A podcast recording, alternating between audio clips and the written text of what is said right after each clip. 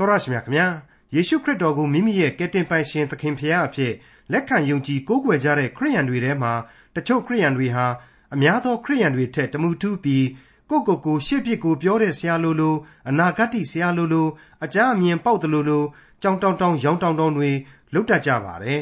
အဲ့ဒီလိုခရိယန်တွေရဲ့ကြောင်တောင်တောင်အပြုအမူတွေကြောင့်ခရိယန်ဘာသာသာသနာဟာထိခိုက်တာတဲ့ယေရှုခရစ်တော်သခင်ဖရာရဲ့နာမတော်ကိုထိခိုက်တာက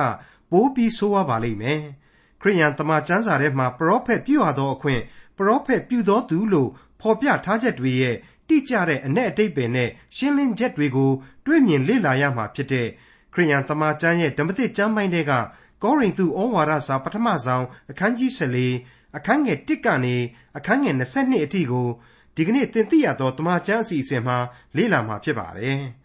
ကိုပြောတဲ့စကားတွေဟာကြားတဲ့သူတွေနားမလည်နိုင်ဘူးဆိုရင် အချီးနှီးသက်သက်အာကာသကောင်းကင်ကို စကားပြောတဲ့သူလိုဖြစ်လိမ့်မယ်လို့သတိပေးထားတဲ့ကောရိန္သုဩဝါဒစာပထမဆုံးအခန်းကြီး14အခန်းငယ်1ကနေအခန်းငယ်22အထိကိုဒေါက်တာထွန်းမြတ်အေးကအခုလိုလေ့လာဖော်ပြထားပါတယ်။မိတ်ဆွေတော်တတ်ရှင်အပေါင်းတို့ခမညာဒီကနေ့ကျွန်တော်တို့ဆက်လက်ရောက်ရှိလာတာကတော့ကောရိန္သုဩဝါဒစာပထမစာဆောင်အခန်းကြီး14ပဲဖြစ်ပါတယ်။ ပြီးခဲ့တဲ့အခန်းကြီး73ကစပြီးတော့ဖော်ပြလာခဲ့တဲ့ချစ်ချင်းမေတ္တာတရားအကြောင်းများကိုသတိရစေဖို့တဖန်ဆက်လက်သတိပေးနှိုးဆော်ဖော်ပြမယ်ကြံကြီးဖြစ်တယ်လို့ဘုရားသခင်ချထားပေးသနာတဲ့အခြားသောဝိညာဉ်စုကျေးဇူးများရဲ့တန်ဖိုးတွေဟာလေအလွန်တရာကြီးမားလှတယ်။အဲ့ဒီတန်ဖိုးကြီးမားလှတဲ့ကျေးဇူးတော်များကိုသူတို့ရဲ့တန်ဖိုးနဲ့လိုက်လျောညီထွေရှိအောင်ဘယ်နည်းဘယ်ပုံအသုံးချကြရမယ်ဆိုတာတွေကိုရှင်ပေါလုအထူးပြုဖော်ပြသွားမယ်ကြံဖြစ်တယ်ဆိုတာကို ကျွန်တော်ဒီကျမ်းနဲ့ပတ်သက်ပြီးတော့ကြိုတင်ဖော်ပြထားနှင်ခြင်းပါလေ။ဘုရားသခင်ဟာအဲ့ဒီလိုဝိညာဉ်စုကျေးဇူးတော်တွေကိုလူအသီးအသီးစီမှာပေးတယ်ဆိုတာကရစီတည်းဆိုပြီးတော့ဒီအတိုင်းလူအဖွဲ့အစည်းပေါ်မှာကြဲချလိုက်တာမဟုတ်ပါဘူးသူ့ကိုယုံကြည်သူတို့ရဲ့အသင်းတော်တွေနဲ့တကွယုံကြည်သူတို့ရဲ့အဖွဲ့အစည်းများမှာကွဲပြားခြားနာခြင်းမရှိသဘောထားခြားနာခြင်းအရှင်းမရှိသူ၌တလုံးတဝသည်တည်နေစေရန်ဆန္ဒရှိသေးတယ်ဆိုတဲ့မှန်ကန်တဲ့သစ္စာတရားရှိသေးတယ်ဆိုတာကို ရှင်ပေါလုဗျာဒိတ်ပြုလိုက်တဲ့ကြံပဲလို့ကျွန်တော်ဆိုချင်ပါတယ်တနည်းအားဖြင့်ဆိုရရင်လေချစ်ချင်းမေတ္တာတော်ကိုအခန်းကြီး73အရာကျွန်တော်တို့သိနာလေကြရပြီနောက်ထပ်ဘာတွေဆက်ပြီးတော့လုပ်ကြရအောင်မလဲဆိုတာကိုရှင်ပေါလုအနေနဲ့ထပ်ဆင့်တင်ပြခြင်းလို့ဆိုနိုင်ပါလိမ့်မယ်ဉာဏ်ပညာသည်စကားအတက်တဲ့သာ၍အဆင့်မြင့်၏ဆိုတဲ့ခေါင်းစဉ်ကိုပြီးရင်နဲ့စတင်လေ့လာကြမယ်ဆိုရင်ကောရိန္သုဩဝါဒစာပထမစာဆောင်အခန်းကြီး14အငယ်1ကိုစတင်နားဆင်ကြပါစို့ ချစ်ချင်းမေတ္တာကိုမိအောင်လိုက်ကြလော့ဝိညာဉ်စုကျေးဇူးတို့ကိုအလွန်အလိုရှိသည်တွင်ပရောဖက်ပြုရသောအခွင့်ကိုသာ၍လိုချင်သောစိတ်ရှိကြလော့အခုခေတ်စကားနဲ့ပြောရမယ်ဆိုရင်တော့အမှုတော်ကိုထမ်းဆောင်လိုသောစိတ်ရှိကြလော့ဆိုပြီးတော့ဖော်ပြခြင်းပဲပေါ့ဟုတ်ပါတယ်ဘုရားသခင်ရဲ့အမှုတော်ကိုထမ်းတယ်ဆိုတာကအသင်းတော်ကခရစ်တော်ရဲ့ပကြီးရှိမှစီမီးတွေပူဇော်ရေမွှေးတွေမှန်မှန်တော့ဖြန်းတာကိုဆိုလိုတာမဟုတ်ပါဘူးဘုရားသခင်ရဲ့ကယ်တင်ခြင်းတရားကို လူသားတိုင်းလူသားတိုင်းရယူခံစားနိုင်ဖို့ရန်အတွက်နှုတ်ကပတ်တော်ကိုဖွင့်ဆိုဖော်ပြဖို့ရှင်ပေါလုတွန်းအားပေးတိုက်တွန်းလိုက်ခြင်းဖြစ်ပါတယ်ပရောဖက်ပြုခြင်းနဲ့စိတ်ရှိကြလောဆိုတာနဲ့ပဲကိုကိုကိုအနာဂတ်ဆရာလိုလိုအကြမ်းအမြင်ပေါက်တယ်လို့လို့ကြောင်တောင်တောင်ရောင်ပေါင်ပေါင်ကြီးရှောက်လုပ်ဖို့မဟုတ်ပါဘူးရှေးကာလကပရောဖက်တွေဟာနှုတ်ကပတ်တော်ကိုအခုလိုပြည့်စုံလုံလောက်အောင်မသိရှိရတော့ဘုရားသခင်ရဲ့ဗျာဒိတ်တော်ကိုဝိညာဉ်တော်နဲ့သာခံယူပြီးတော့ဟောပြောရတယ်ဖွင့်ဆိုရတယ် အဲ့ဒါကိုရှေးပုံစံအတိုင်းတရသည်ဆွဲယူပြီးတော့ကျန်းစာအုပ်ကိုဂျိုင်းကြညက်ထီကလေးတစ်ချောင်းနဲ့တအိမ်တက်ဆင်းအနာဂတ်တွေရှောက်ပြောနေရင်ဒါဟာစိတ်အဟုတ်မဟုတ်တဲ့လူရဲ့လောက်ရလို့မျက်မှောက်ခေအမြင်မှာသူများပြည့်ရဲ့ပြုเสียဖြစ်တတ်သလို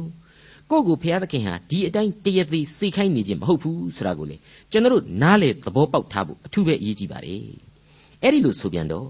ဘုရားသခင်ရဲ့အမှုတော်ဆောင်တွေရဲ့လုပ်ငန်းကိုသီးသန့်ဟောပြောတတ်သိခံနေတဲ့ လုပ်ငန်းသမားတွေအပေါ်မှာအထင်အမြင်သေးရမှာလားချိုးချိုးဖဲ့ဖဲ့တွေးရမှာလားဆိုရင်အဲ့ဒီအတိုင်းလည်းမဟုတ်သေးပါဘူး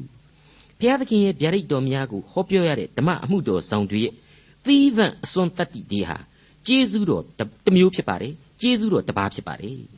အလားတူအမှုတော်ဆောင်လုပ်ငန်းအတွက်သီးသန့်လမ်းညွှန်ပြချက်တွေအတွက်ခွဲကန့်မှတ်သားထားတဲ့အပိုင်းတွေအမျိုးမျိုးရှိပါတယ်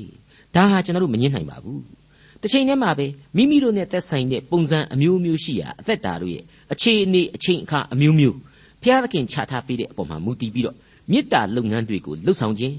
ဝဝေမျှပေးကမ်းစွန့်ကြဲခြင်းဆေးဝါးကုသပေးခြင်းဆုံးမဩဝါဒပြုခြင်းစတဲ့ကြာရာကန္တတွေမှာတာဝန်ယူသွားကြမယ်ဆိုရင်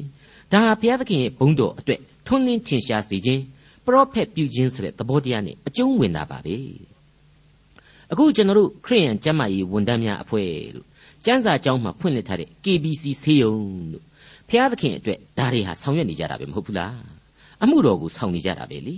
ဘုရားသခင်ရဲ့နာမတော်နဲ့ဘုန်းတော်အတွက်ဘုရားသခင်ရဲ့မေတ္တာတော်ကိုဝေမျှနေတဲ့အဖွဲ့အစည်းကြီးတွေမဟုတ်ဘူးလားအဲ့ဒီအတိုင်းပဲပေါ့ခရိယန်စာပေအသင်းကလူတွေစာပေအဖြစ်ဒါဟာပရောဖက်ပြုတာနဲ့အတူတူပါပဲကဲဒါဆိုရင်ပရောဖက်ပြုခြင်းနဲ့ပတ်သက်တဲ့အမှုတွေဟာဘလောက်ကျယ်ဝန်းတဲ့အတိတ်ပဲ နဲ့နဲတဲ့အတိတ်ပဲတွေကိုဆောင်းတယ်ဆိုတာရှင်းနေပါပြီအဲ့ဒီကျယ်ဝန်းနဲ့နဲတဲ့အမှုတော်ကိုဆောင်းဖို့ရန်အတွက်ဟာပြီးခဲ့တဲ့ကျမ်းကဖော်ပြခဲ့တဲ့ဘုရားသခင်ရဲ့ချစ်ချင်းမေတ္တာတော်ကိုသိနာလေနိုင်မှဖြစ်နိုင်မယ်ဆိုတာကိုရှင်ပေါလုသတိပေးလိုက်ပါတယ်ချစ်ချင်းမေတ္တာတော်ကိုမှီအောင်လိုက်ကြလောတဲ့မှီရမယ်လို့မဆိုဘူးနော်မှီနိုင်ဖို့လေအလွန်အလွန်ခက်ခဲလိမ့်မယ်နားလေအောင်ခံယူစ조사ရှာဖွေခန်းစားထိတွေ့စေဆိုတဲ့အဓိပ္ပာယ်တွေကိုဆောင်းပါတယ် ဘလောက်မြေလောကမြေသားတွေနဲ့နီးစပ်တဲ့အဆုံးအမတွေလေကောရိန္သုဩဝါဒစာပထမစာဆောင်အခန်းကြီး14အငယ်1အကြောင်းမူကားအခြားသောဘာသာစကားအဖြစ်ပြောသောသူသည်လူတို့အားမပြောဖျားသခင်အားပြော၏သူ၏စကားကိုအဘယ်သူမျှနားမလဲနဲ့နဲသောအရာတို့အားဝိညာဉ်တော်အားဖြင့်ပြော၏ကျွန်တော်ပြီးခဲ့တဲ့သင်ခန်းစာတွေမှာဖော်ပြဘူးခဲ့တဲ့အတိုင်းပဲဘာသာစကားအမျိုးမျိုးသည်မေတ္တာတော်ကိုချီးမွမ်းကြ၏ဆိုတဲ့တေးသချင်းတွေကအချက်ဟာ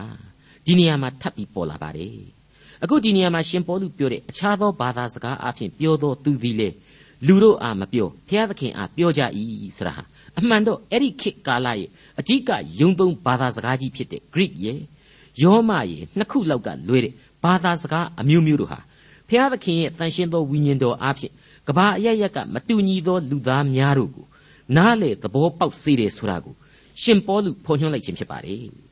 နဲ့နဲသောအရာတို့ကိုဝိညာဉ်တော်အားဖြင့်ပြော၏တဲ့။မမှန်ဘူးလား။ဆရာကြီးယူရသန်သို့မဟုတ်ဒေါက်တာဂျက်ဆန်လိုလူတယောက်သူဟာမြန်မာစာပေမြန်မာစကားတို့ကိုသင်ယူပြီးမှမြန်မာပြည်မှာအမှုတော်ကိုဆောင်ခဲ့ရပါတယ်။သူ့ကိုဥဆောင်သွားတာကတော့ဂျက်ဆန်ဆိုတဲ့အသားဖြူဖြူအရက်ရှည်ရှည်လူကြီးရဲ့အုံနောက်အတွေးအခေါ်ကမဟုတ်ဘူး။တန်ရှင်းသောဝိညာဉ်တော်ကသာဥဆောင်သွားခဲ့ခြင်းပါ။ ကျွန်တော်တို့တင်ပြရသောတမန်ကျမ်းကိုဏိဒန်းပြိုးစဉ်ကလေးကမိတ်ဆွေတို့ကိုကျွန်တော်ဆိုခဲ့တာတခုရှိပါတယ်အသက်ရှိသောနှုတ်ကပတ်တော်မြတ်ကိုဖတ်ရှုရမှတန်ရှင်းသောဝိညာဉ်တော်ကိုသာအားကိုးရမယ်ဆုတောင်းပြီးမှဖတ်ရမယ်ဆိုတဲ့အချက်ဖြစ်ပါတယ်ဒီအကြောင်းကိုရှင်ပေါလုလိုဘဝအတွေ့အကြုံရှိတဲ့လူတစ်ယောက်ကပြောတာဟာအလွန်အနှစ်သာရရှိတယ်အတိတ်ပဲရှိတယ်လို့ကျွန်တော်တို့ပြောနိုင်ပါလိမ့်မယ်ဘာဖြစ်လို့လဲဆိုရင်စဉ်းစားကြည့်လေရှင်ပေါလုဟာဘုရားသခင်ရဲ့တန်ရှင်းသောဝိညာဉ်တော်နဲ့ကြိမ်ဖန်များစွာဆက်သွယ်ထားရဘူးသူဖြစ်ပါတယ် ဘုရားသခင်ဟာသူ့ကိုရှင်းပြလို့သာလျှင်သူ့ရဲ့ဝိညာဉ်ဟာနားလည်ဝင်ရတယ်ဘုရားသခင်ကသာဝိညာဉ်တော်နဲ့ရှင်းမပြဘူးဆိုရင်သူဘယ်လို့မှနားမလည်နိုင်ဘူးဆိုတဲ့သဘောတရားပဲဖြစ်ပါလေနှုတ်ကပတ်တော်ဓမ္မသစ်ကျမ်းပိုင်းကပြီးခဲ့တဲ့မဝေးသေးသောသင်ခန်းစာတွေထဲမှာဘာသာစကားအမျိုးမျိုးနဲ့ဘုရားသခင်ပြောစီကျင်တာတွေကိုပြောရတာတွေကိုကျွန်တော်တို့တွေ့ရပါတယ်ယောမတတ်မှုကောနေလိရဲ့အိမ်မှာအမျိုးမျိုးသောဘာသာစကားတွေပြောခဲ့တာတွေပင်တေကုတ်တီပွဲတော်နေ့မှာတန်ရှင်းသောဝိညာဉ်တော်အားဖြင့် ဘာသာစကားအမျိုးမျိုးတွေနဲ့ပြောခဲ့ကြတာတွေဆိုတာတွေကိုကျွန်တော်တို့တွေ့ခဲ့ရပါတယ်တူပြိုင်ပေါ်ထွက်လာတဲ့အဓိပ္ပာယ်ကတော့ကျွန်တော်ပြောခဲ့တဲ့အတိုင်းပဲဘာသာစကားအမျိုးမျိုးတို့ဟာမေတ္တာတော်ကိုချီးမွမ်းခဲ့ခြင်းသာဖြစ်ပါတယ်ကောရိန္သုဩဝါဒစာပထမစာဆောင်အခန်းကြီး14အငယ်3မှ5ပရောဖက်ပြုသောသူမူကားတိဆောက်ခြင်းတိုက်တွန်းသွေးဆောင်ခြင်းတက်တာခြင်းအလို့ငှာလူတို့အားဟောပြော၏အခြားသောဘာသာစကားအဖြစ်ပြောသောသူသည်ကိုယ်ကိုယ်သာတိဆောက်၏ ပရောဖက်ပြုသောသူမူကားအသင်းတော်ကိုတိဆောက်၏သင်တို့ရှိသမျှသည်အခြားသောဘာသာစကားဖြင့်ပြောစီခြင်းဟာငါအလိုရှိ၏ပရောဖက်ပြုစီခြင်းဟာသာ၍အလိုရှိ၏အကြောင်းမူကားအခြားသောဘာသာစကားဖြင့်ပြောသောသူသည်အသင်းတော်ကိုတိဆောက်ခြင်းဟာအ내ကိုမဖော်ပြလျင်သူတဲ့ပရောဖက်ပြုသောသူသည်သာ၍မြတ်တည်းမိษွေအပေါင်းတို့ခမညာ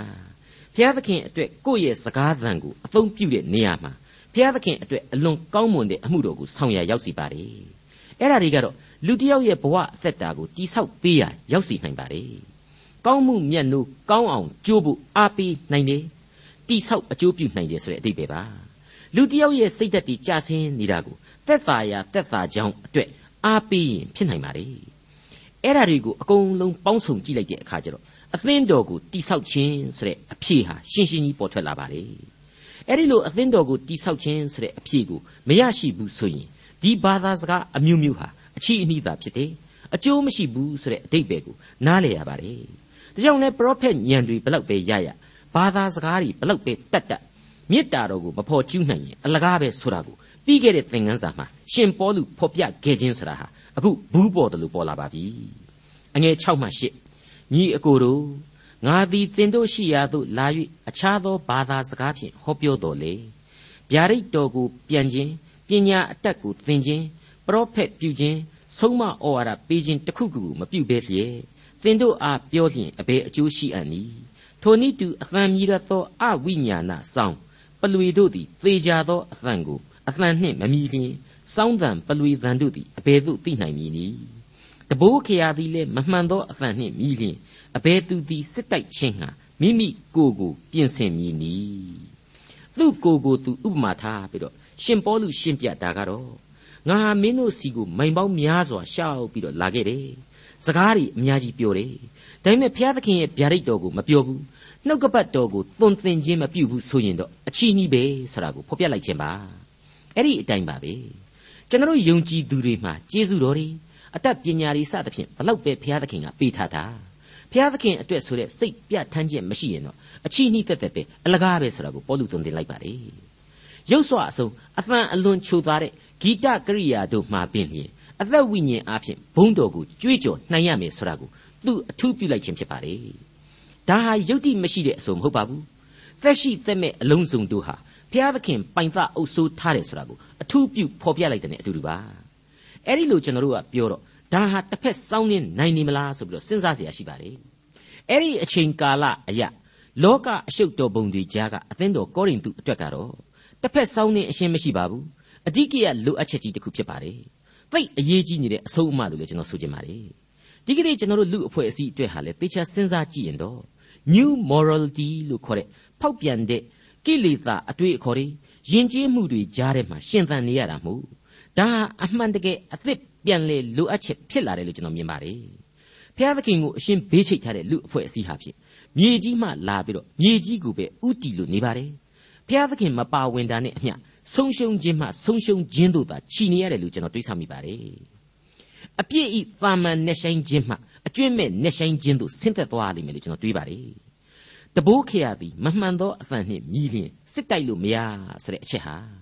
ဘုရားသခင်ရဲ့အမှုတော်ကိုဆောင်ဖို့ရန်အတွက်ယုံကြည်သူများကိုတိုက်ပွဲဝင်စစ်သားများနဲ့နှိုင်းယှဉ်ပြီးတော့ရှင်ပေါလုဖော်ပြခြင်းဖြစ်ပါတယ်ကျေးဇူးတော်ကိုချီးမွမ်းခြင်းဘုရားသခင်ဂုဏ်တော်ကိုနားလည်ခြင်းမရှိဘဲနဲ့တော့ခရိယန်တယောက်ရဲ့အသက်တာမှာစာရမဏတ်ကိုအောင်မြင်နိုင်ပွဲအကြောင်းမရှိပါကြောင်းသိသာစေတဲ့အချက်ပါကောရိန္သုဩဝါဒစာပထမစာဆောင်အခန်းကြီး14အငယ်6မှ7ထိုနည်းတူ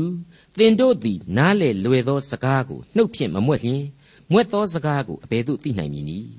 အာကာသကောင်းကင်ကိုပြောသောသူကဲ့သို့ဖြစ်လိမ့်မည်လူပြည်၌ဘာသာစကားအမျိုးတို့သည်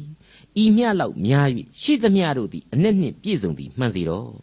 ဘာသာစကား၏အ내ကိုငါနားမလဲလျင်ပြောသောသူအားငါသည်လူရိုင်းဖြစ်လိမ့်မည်ပြောသောသူသည်လည်းငါအားလူရိုင်းဖြစ်လိမ့်မည်တို့ဖြစ်၍သင်တို့သည်ဝိညာဉ်စုကျေးဇူးတော်တို့ကိုအလွန်အလိုရှိကြသည်တွင်အသင်းတော်ကိုတိဆောက်ခြင်းဟာ ကြွယ်ဝပြည့်စုံမည်အကြောင်းကြိုးစားကြလော့လူသားအချင်းချင်းကြားမှာပြောကြဆိုကြတာတွေဟာနားမလဲစရာတွေအမျိုးမျိုးရှိတယ်လောကမှာဘာသာစကားတွေအများကြီးရှိနေတယ်မဟုတ်ဘူးလားအဲ့ဒီဘာသာစကားတွေရဲ့အ내ကိုငါနားမလဲလို့ရှိရင်အလကားပဲဖြစ်လိမ့်မယ်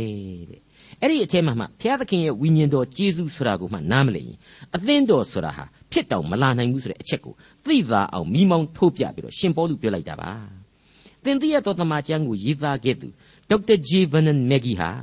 ကနဦးအသင်းတော်တွေတည်ခဲ့တဲ့ရှေးခေတ်ဒေသပေါလုကျင်လေယာအရက်တွေကိုအလေရောက်ရှိသွားတဲ့အခါကျတော့တရွာတပုတ်ဆန်းဆိုသလိုသူနားမလဲတဲ့စကားတွေကိုသာသူကြားခဲ့ရတယ်ရှင်ပေါလုခေတ်ကာလကိုပြန်ပြီးတော့အောက်မေ့စရာပဲဖြစ်တယ်အဲ့ဒီအခြေခံအကြောင်းတွေကြောင့်လေဘာသာစကားအမျိုးမျိုးမတူညီတဲ့ကြားတွေကနေပြီးတော့ဝိညာဉ်တော်ရဲ့ဥဆောင်လမ်းပြမှုကြောင့်သာလျှင် ကနဦးအသင်းတော်ကြီးတွေကိုရှင်ပေါလုဆိုတဲ့တာမန်လူတစ်ယောက်ဟာတိဆောက်နိုင်ခဲ့ခြင်းပဲဆိုတာကိုယင်သိမ့်တုံအောင်သူဟာခန်းစားခဲ့ရကြောင်းဝန်ခံခဲ့ပါတယ်။တနည်းအားဖြင့်တော့ရှင်ပေါလုရဲ့အတိတ်ကာလစီကိုသူကိုယ်တိုင်ဟာသွားရောက်လေ့လာကြည့်တဲ့သဘောပေါ့။အဲ့ဒီလိုလေ့လာကြည့်တော့မှပဲဘဖျားသခင်ရဲ့တန်ရှင်းသောဝိညာဉ်တော်ရဲ့အရှိန်တကူဟာဘလောက်အထိကနဦးအသင်းတော်တို့ကိုပြင်းထန်စွာတိဆောက်ပေးခဲ့တယ်ဆိုတာကိုဒေါက်တာဂျီဗန်နန်မက်ဂီဟာသဘောပေါက်နားလည်ခဲ့ရပါတယ်တဲ့ ကောရိန္သုဩဝါဒစာပထမစာဆောင်အခန်းကြီး14အငယ်73မှ19ထို့ကြောင့်အခြားသောဘာသာစကားကိုပြန်ပြောသောသူသည်အ내ကိုလည်းဖော်ပြနိုင်မည်အကြောင်းဆုတောင်းစေအဘယ်ကြောင့်နည်းဟုမူကားအခြားသောဘာသာစကားဖြင့်ငါဆုတောင်းလျင်ငါစိတ်နှလုံးဆုတောင်းတော်လေငါညံသည်အကျိုးကိုမပေးတို့ဖြစ်လျင်အဘယ်သို့ပြုရမည်နည်းစိတ်နှလုံးနှင့်၎င်းဉာဏ်နှင့်၎င်းဆုတောင်းရမည်စိတ်နှလုံးနှင့်၎င်းဉာဏ်နှင့်၎င်းတည်ခြင်းဆိုရမည် သို့မဟုတ်သင်သည်စိတ်နှလုံးနှင့်ကျေးဇူးတော်ကိုချီးမွမ်းသောအခါမတတ်သောလူစုအဝင်ဖြစ်သောသူသည်သင်၏စကားကိုနားမလည်သောကြောင့်ကျေးဇူးတော်ကိုချီးမွမ်းခြင်းသို့လိုက်၍အာမင်ဟုအဘယ်သို့ဝန်ခံနိုင်မည်နည်းသင်သည်ကျေးဇူးတော်ကိုကောင်းမွန်စွာချီးမွမ်းသည်မှန်စေတော့အခြားသောသူမူကားတိဆောက်ခြင်းအကျိုးမရှိငါသည်သင်တို့ရှိသမျှတဲ့အခြားသောဘာသာစကားဖြင့်ဟောပြောသောအရာကိုထောက်၍ဖျားသခင်၏ကျေးဇူးတော်ကိုချီးမွမ်း၏ သို့တော်လည်းအသင်းတော်၌အခြားသောဘာသာစကားဖြင့်စကားတစ်သောင်းကိုပြောနိုင်သည်တဲ့သူတစ်ပါးတို့ကိုသွန်သင်ခြင်းဟာစကားငါးခုကိုညံနှင့်တကွပြောနိုင်သောအခွင့်ကိုသာ၍အလိုရှိ၏ဒါဟာအတော်ကြီးလက်တွေ့ကြတဲ့ကြံပိုင်ဘဲလို့ကျွန်တော်တို့သဘောပေါက်နိုင်ပါတယ်ဖျားသခင်ကိုဆူတောင်းတဲ့နေရာဘုန်းတော်ထင်ရှားစေတဲ့နေရာမှာကိုပြောနေတဲ့ဘာသာစကားတဲ့ဖျားသခင်ရဲ့ဝိညာဉ်အရှိန်တကူပါဝင်ရမယ်ဆိုတာကိုသရုပ်ဖော်ပေးပါတယ် အတိတ်ဘယ်ကတော့စကားတစားတွေဆင်နေဖို့တဲ့ဝိညာဉ်သဘောအပြည့်အဝပါဝင်ဖို့လိုတယ်ဆိုတဲ့အချက်ပါအဲ့ဒီလိုဘုရားသခင်ရဲ့ဥဆောင်ခြင်းမပါဝင်ဘူးဆိုရင်အာမင်ဆိုပြီးတော့ဘုရားသခင်ကိုအာမဘန္တီပြုရတဲ့စကားပြောရတာတောက်မှဝိညာဉ်ရေးအနှစ်သာရမရှိနိုင်ဘူးအတိတ်ပဲကင်းမဲ့တယ်လို့ပဲဖြစ်တတ်တယ်အဲ့ဒီလိုဘာသာစကားအမျိုးမျိုးပြောနေပြီမြဒီစကားတွေဟာအသင်းတော်အတွက်တိဆောက်ပေးနိုင်ခြင်းမရှိဘူးဝိညာဉ်အနှစ်သာရမကြွယ်ဝဘူးဆိုရင်တော့ဘာသာစကားတစ်ပေါင်းကိုငါမတက်ချင်ရင်နေရင်လည်းနေပါစေ သူတစ်ပါးရှိမှဘုရားသခင်ရဲ့ကယ်တင်ခြင်းတရားအကြောင်းစကားလုံးလေး၅ခွန်းလောက်တက်ရင်တော်ပါပြီဆိုပြီးတော့ရှင်ပေါလုဆိုလိုက်ခြင်းပါကျွန်တော်ကဒီအကြောင်းတွေကိုစဉ်းစားတော့ဆရာကြီးယူရတန်သာမဟုတ်သေးပဲနဲ့အမှုတော်တွေကိုပြည်တွင်းကဆွေမျိုးစုတိုင်းရင်းသားတွေကြားထဲမှာအမှုတော်ဆောင်ပေးခဲ့တဲ့အခြားနိုင်ငံသားတွေတိုင်းရင်းသားဓမ္မအမှုတော်ဆောင်ကြီးတွေရဲ့စွန့်လွတ်မှုနဲ့ဆက်ကပ်ပူဇော်နိုင်မှုစွန့်အားအကြောင်းကိုတွားရောက်သတိရမိပါတယ်။ယင်းထဲမှာစိတ်ငြိမ်နေခံစားမိပါတယ်။ဥပမာလွယ်လွယ်လေးပြရရင် ခုတစ်ထိကျန်းကျန်းမာမာအမှုတော်ဆောင်နေတဲ့ဆရာကြီးတရာအောင်တင်တို့တစ်ချိန်ကကွယ်လွန်သွားခဲ့တဲ့ဆရာကြီးမူလာတို့အကြောင်းတွေကိုစဉ်းစားကြည့်ပါ။အဲ့ဒီပုဂ္ဂိုလ်ကြီးတွေဟာလေတကယ့်ကိုဝေးလံခေါင်းပါတဲ့တိုင်းရင်းသားလူမျိုးစုံနေထိုင်ရနေမြေတွေမှာယုံကြည်ခြင်းအပြည့်အဝနဲ့သွားရောက်ပြီးတော့အမှုတော်ဆောင်ခဲ့ကြတယ်။သူတို့ကိုတန်ရှင်းသောဝိညာဉ်တော်လမ်းပြတော်လေသူတို့မတက်တဲ့စကားသူတို့မသိတဲ့ဓလေ့ထုံးစံတွေနဲ့ပဲပါဝင်ပြီးတော့အမှုတော်ကိုဆောင်ရွက်ခဲ့ကြတာပဲဆိုတဲ့အချက်ကပေါ်လာပါတယ်။အမှန်တိုင်းပြောရရင်တော့ ရောက်လေရအရက်ကရောက်လေရလူမျိုးစုတွေကြားထဲမှာဒီဆရာသမားကြီးတွေဟာဘာသာစကားတို့ဓလေ့ထုံးစံတို့ကိုလေတွဲဖက်လေ့လာမှာတော့အမှန်ပါပဲ။ဒါပေမဲ့သူတို့ဟာဘာသာပေဒပါရဂူကြီးတွေဖြစ်မလာကြပါဘူး။ဒါပေမဲ့အဲ့ဒီလိုပညာရှင်ကြီးတွေသာဖြစ်မလာတာနော်။များစွာသောဝိညာဉ်တွေကိုအလင်းရအောင်ဆောင်ကျဉ်နိုင်ခဲ့တယ်ဆိုတာကတော့သမိုင်းတွင်ရခဲ့ပြီအဲ့ဒီသမိုင်းဟာလေကျွန်တော်တို့ရဲ့နောင်မျိုးဆက်တွေအထိဆက်လက်ပြောပြသွားရမယ်ဘိုးဘေးတို့ရဲ့သမိုင်းအဖြစ်တွင်ကြံရစ်တော့မှအမှန်ပါပဲ ဒီကျမ်းအရာကျွန်တော်တို့သေသေးချာသိနိုင်ရဲ့နောက်တစ်ချက်ကတော့ရှင်ပေါလုဟာဘာသာစကားအတော်များများကိုတက်ကျွန်းသူဖြစ်တယ်ဆိုတဲ့အချက်ပါဂျူးလူမျိုးတစ်ယောက်ဖြစ်တယ်ဗင်ယမိန်အမျိုးအနွယ်ပညာတတ်တစ်ယောက်ဖြစ်တယ်ပြီးတော့ယောမအမျိုးသားအခွင့်အရေးကိုခန်းစားထားရသူလည်းဖြစ်တယ်ဆိုတဲ့ရှင်ပေါလုဟာတာဆတ်သို့မဟုတ်တာရှုလို့ခေါ်တဲ့ဣသရေလတိုင်းပြည်မဟုတ်တဲ့မြောက်ဖက်မြေထဲပင်လေကံယူရန်အရက်မှာကြီးပြင်းခဲ့ရတဲ့လူတစ်ယောက်ဖြစ်ခဲ့ပါလေ။ဒါပေမဲ့သူဟာငယ်စဉ်ကတည်းက Greek အဆင့်မြင့်အတတ်ပညာများနဲ့တကွာ ယေရုရှလင်မြို့မှာလေဟေပြဲစာပေကိုပါသင်ကြားခဲ့ရတဲ့လူတစ်ယောက်ဖြစ်ခဲ့ပါသေးတယ်။ဒါအပြင်အမှုတော်ဆောင်တစ်ယောက်အဖြစ်နဲ့မိန်ပေါင်းများစွာကိုခရီးဆန့်ခဲ့ရတဲ့သူဟာဘာသာစကားအမျိုးမျိုးအပြင်အမှုတော်ကိုအောင်မြင်စွာဆောင်ရွက်နိုင်ခဲ့ပါတယ်။သူ့ရဲ့အမှုတော်မှာတန်ရှင်းသောဝိညာဉ်တော်ဟာအစဉ်တစိုက်ဥဆောင်လမ်းပြခြင်းအပြင်လေသူဟာအောင်မြင်ခဲ့တဲ့သမိုင်းဝင်သာသနာပြုပုဂ္ဂိုလ်ကြီးတစ်ပါးဖြစ်ခဲ့ပါတယ်။ဒါကြောင့်မို့လို့အခုလိုသူ့ရဲ့အဆုံးအမတွေကိုပြုလိုက်ခြင်းဟာသူ့ရဲ့ဘဝအတွေ့အကြုံဒီပေါ်မှာလုံးဝအခြေခံနေပါတယ်။ အဲ့ဒီလိုကိုယ်တိုင်အတွေ့အကြုံနဲ့သူ့ရဲ့ဩဝါဒတွေကိုဘသူကမှဆန့်ကျင်လို့မရနိုင်ပါဘူး။သူ့ကိုသမိုင်းပညာရှင်ဘသူကမှလည်းအထင်သေးလို့မရနိုင်ဘူး။ရှော့တွက်လို့မရနိုင်ဘူးဆိုတာထင်ထင်ကြီးပေါ်နေပါတယ်။ကောရိန္သုဩဝါဒစာပထမစာဆောင်အခန်းကြီး14အငယ်20ညီအကိုတို့သင်တို့သည်ဉာဏ်အရာ၌သူငယ်မဖြစ်ကြနှင့်မတရားသောအမှုအရာ၌နှုတ်ဆိုသူငယ်ဖြစ်ကြလော့ဉာဏ်အရာ၌အသက်ကြီးသောသူဖြစ်ကြလော့အတွေးအခေါ်အဆင့်ကိုမြင့်မားအောင်ကြိုးစားကြပါ မကောင်းတဲ့အမှုအရာမှာဘာမှမပါဝင်မပတ်သက်တဲ့နှုတ်ဆုကလေးသူငယ်များလို့အပြစ်ကင်းစင်ကြပါစေလို့သူတိုက်တွန်းနှုတ်ဆော်လိုက်ခြင်းဖြစ်ပါတယ်ဒါဟာခရစ်ဝင်ကျမ်းများမှာကျွန်တော်တို့သင်ခန်းစာရယူပြီးခဲ့တဲ့အတိုင်းပဲခရစ်တော်ကိုယ်တိုင်ဟာကလေးသူငယ်ကလေးတွေကိုကောင်းကြီးပေးတယ်ကလေးသူငယ်လေးတွေကိုငါထံသို့လာကြပါလေစေမစီတာကြနှင်းဆိုတဲ့အချက်တွေကိုပြန်ပြီးတော့သတိရစရာကောင်းနေပါတယ်အခုလိုညံအရာမှာသူငယ်မဖြစ်ကြနဲ့ဟိမတရားသောအမှုမှာသူငယ်လူဖြစ်ကြစေဆိုတဲ့အချက်အားဖြင့် လူရဲ့သဘောတရားတစ်ခုကိုလည်းကျွန်တော်တို့ထပ်မံတွေ့မြင်ရပါတယ်လူသားဟာအပြစ်ဇာတိနဲ့ရှင်ပြီးတော့မွေးဖွားလာတဲ့အတွက်ကြောင့်ကြီးလေမိုက်မှားခြင်းများတတ်လေတနည်းအားဖြင့်အခုခေတ်စကားနဲ့ဆိုရင်တော့ကြီးမိုက်ကြီးများဖြစ်တတ်လေဆိုတဲ့သဘောပေါ့အဲ့ဒါဟာလူသားတို့ရဲ့ဗီဇအခြေအနေမှန်ကိုပြန်ပြီးတော့ဆင်ခြင်အောက်မေ့စရာကောင်းတဲ့အပိုင်းဖြစ်လာပါတယ်ဘာပဲဖြစ်ဖြစ်ကိစ္စမရှိပါဘူးလူမြည်ဒီကခရစ်တော်၌ရှိရင်အသက်ပြုပြင်သောတရားဝါဖြစ်၏ဆိုတဲ့အချက်ကိုနှုတ်ကပတ်တော်အားဖြင့်ကျွန်တော်တို့သိထားပြီးပြီ ကိုယ့်ရဲ့အသက်တာမှာကိုယ့်အတွက်ရှိနေတဲ့ကယ်တင်ခြင်းတရားဆိုတာကိုခရစ်တော်အားဖြင့်အရွယ်သုံးပါးမရွေလူသားတိုင်းဟာရယူပိုင်ဆိုင်ခွင့်ရှိနေပါတယ်ကျွန်တော်ပြီးခဲ့တဲ့သင်ခန်းစာတွေမှာဖော်ပြခဲ့တဲ့ခရစ်စီလူယန်ကားခေါင်းဆောင်ဝီလျံဆိုတဲ့သေတံကျအကျဉ်းသားတယောက်ရဲ့ဘဝနဲ့ခရစ်တော်နဲ့အတူကားစဉ်မှာတင်ပြီးတော့အသက်ခံခဲ့ရတဲ့လူဆိုးဓမြကြီးတယောက်တို့ရဲ့အကြောင်းဟာသူတို့ရဲ့နေဝင်ချိန်မှာနောင်တရခဲ့တယ် ခရစ်တော်ရဲ့ကယ်တင်ခြင်းကိုရခဲ့သေးတယ်ဆိုတာကိုကျွန်တော်တို့ကိုအစဉ်စိတ်ပြန်လည်သတိပေးနေမှာဖြစ်ပါတယ်ကိုဟာလည်းဒီအတိုင်းပဲခရစ်တော်၌အစဉ်အသစ်ဖြစ်နိုင်သောတတ္တဝါလူသားဖြစ်တယ်ဆိုတဲ့အသိဉာဏ်ဖျားသခင်ရဲ့မေတ္တာတော်ကိုအရွယ်သုံးပါမရွေခံစားရရှိနိုင်ကြောင်းအားပေးတိုက်တွန်းလိုက်ပါရစေကောရိန္သုဩဝါဒစာပထမစာဆောင်အခန်းကြီး14အငယ်21ပြည့်ညတ်တိကျမ်းစာ၌လာသည်ကအခြားတစ်ပါးသောရှာအခြားတစ်ပါးသောနှုတ်နှင့်ဤလူမျိုးကိုငါပြောမည် သို့တော်လည်းသူတို့သည်နားမထောင်ကြဟုထာဝရဘုရားမိန့်တော်မူ၏ရုတ်တရက်ဒီအပိုင်းဟာနားရှုပ်ထွေးနိုင်ပါလေ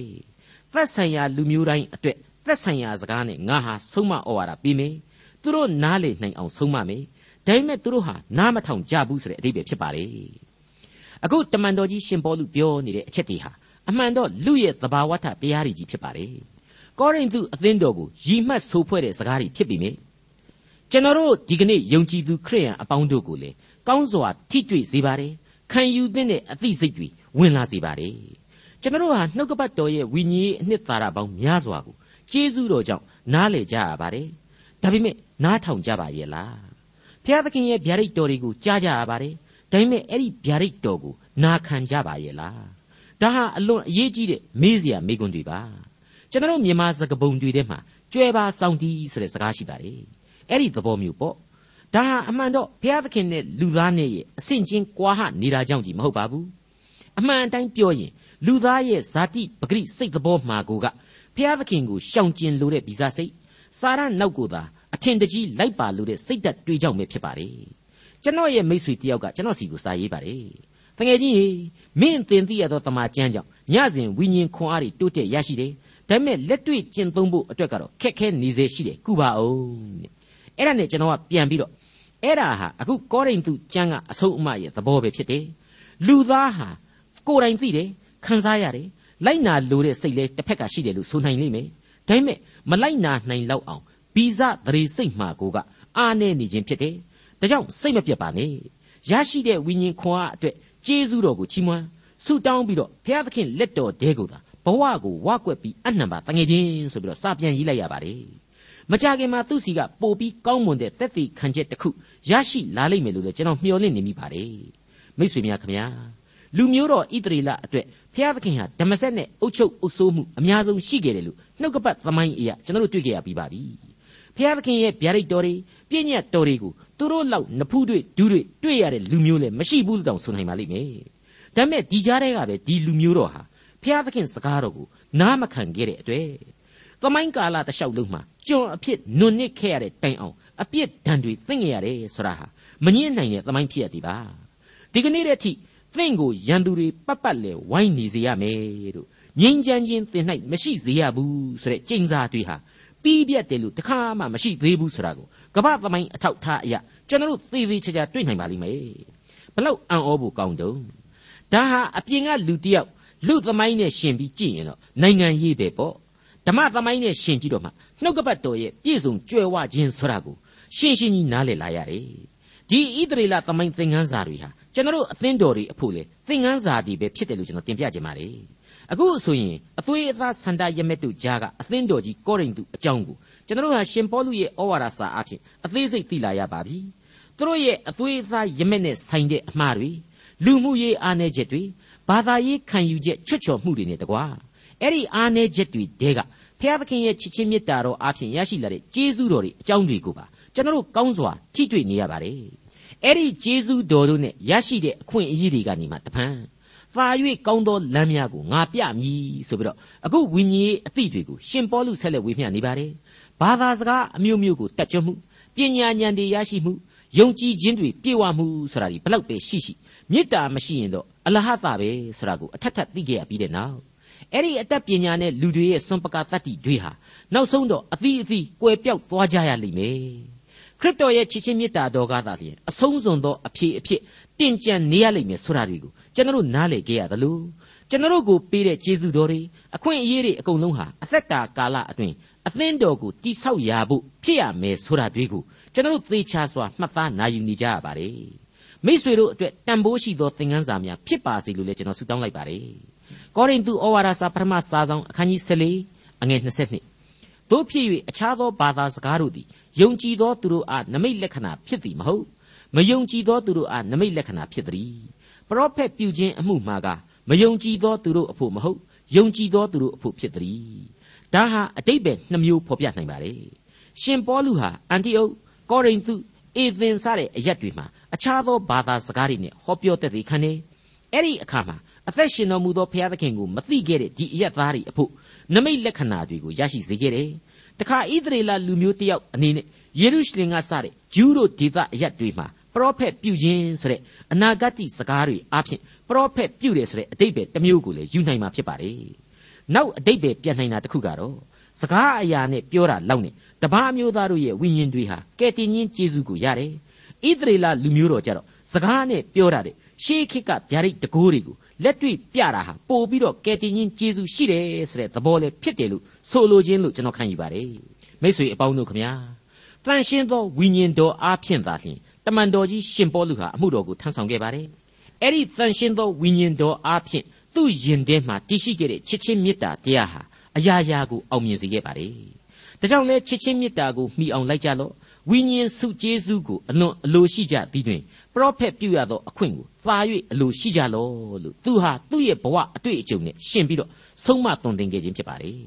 အသင်းတော်၌အခြားသောဘာသာစကားတစ်သောင်းကိုပြောနိုင်ပြီးတဲ့သူတစ်ပါးတို့ကိုသွန်သင်ခြင်းဟာစကားငါးခုကိုညံနှင်းတကွပြောနိုင်သောအခွင့်ကိုသာ၍ငါအလိုရှိ၏ဆိုတဲ့သူပြောဆိုဆုံးမခဲ့တဲ့အသံဟာကျွန်တော်အတွက်ယနေ့တိုင်အောင်လမ်းပြမိအောင်တဖွဲ့ ထွန်းလင်းထင်ရှားလျက်ရှိနေသေးပဲလို့ကျွန်တော်တင်ပြလိုက်ပါရစေဒေါက်တာထွန်းမြတ်အေးစီစဉ်တင်ဆက်တဲ့တင်ပြတော်တမချန်းအစီအစဉ်ဖြစ်ပါတယ်နောက်တစ်ချိန်အစီအစဉ်မှာခရိယန်တမချန်းဓမ္မသစ်ကျမ်းပိုင်းတွေကကောရိန္သုဩဝါဒစာပထမဆုံးအခန်းကြီး14အခန်းငယ်23ကနေအခန်းငယ်40အထိကိုလေ့လာမှဖြစ်တဲ့အတွက်စောင့်မျှော်နားဆင်နိုင်ကြပါတယ်။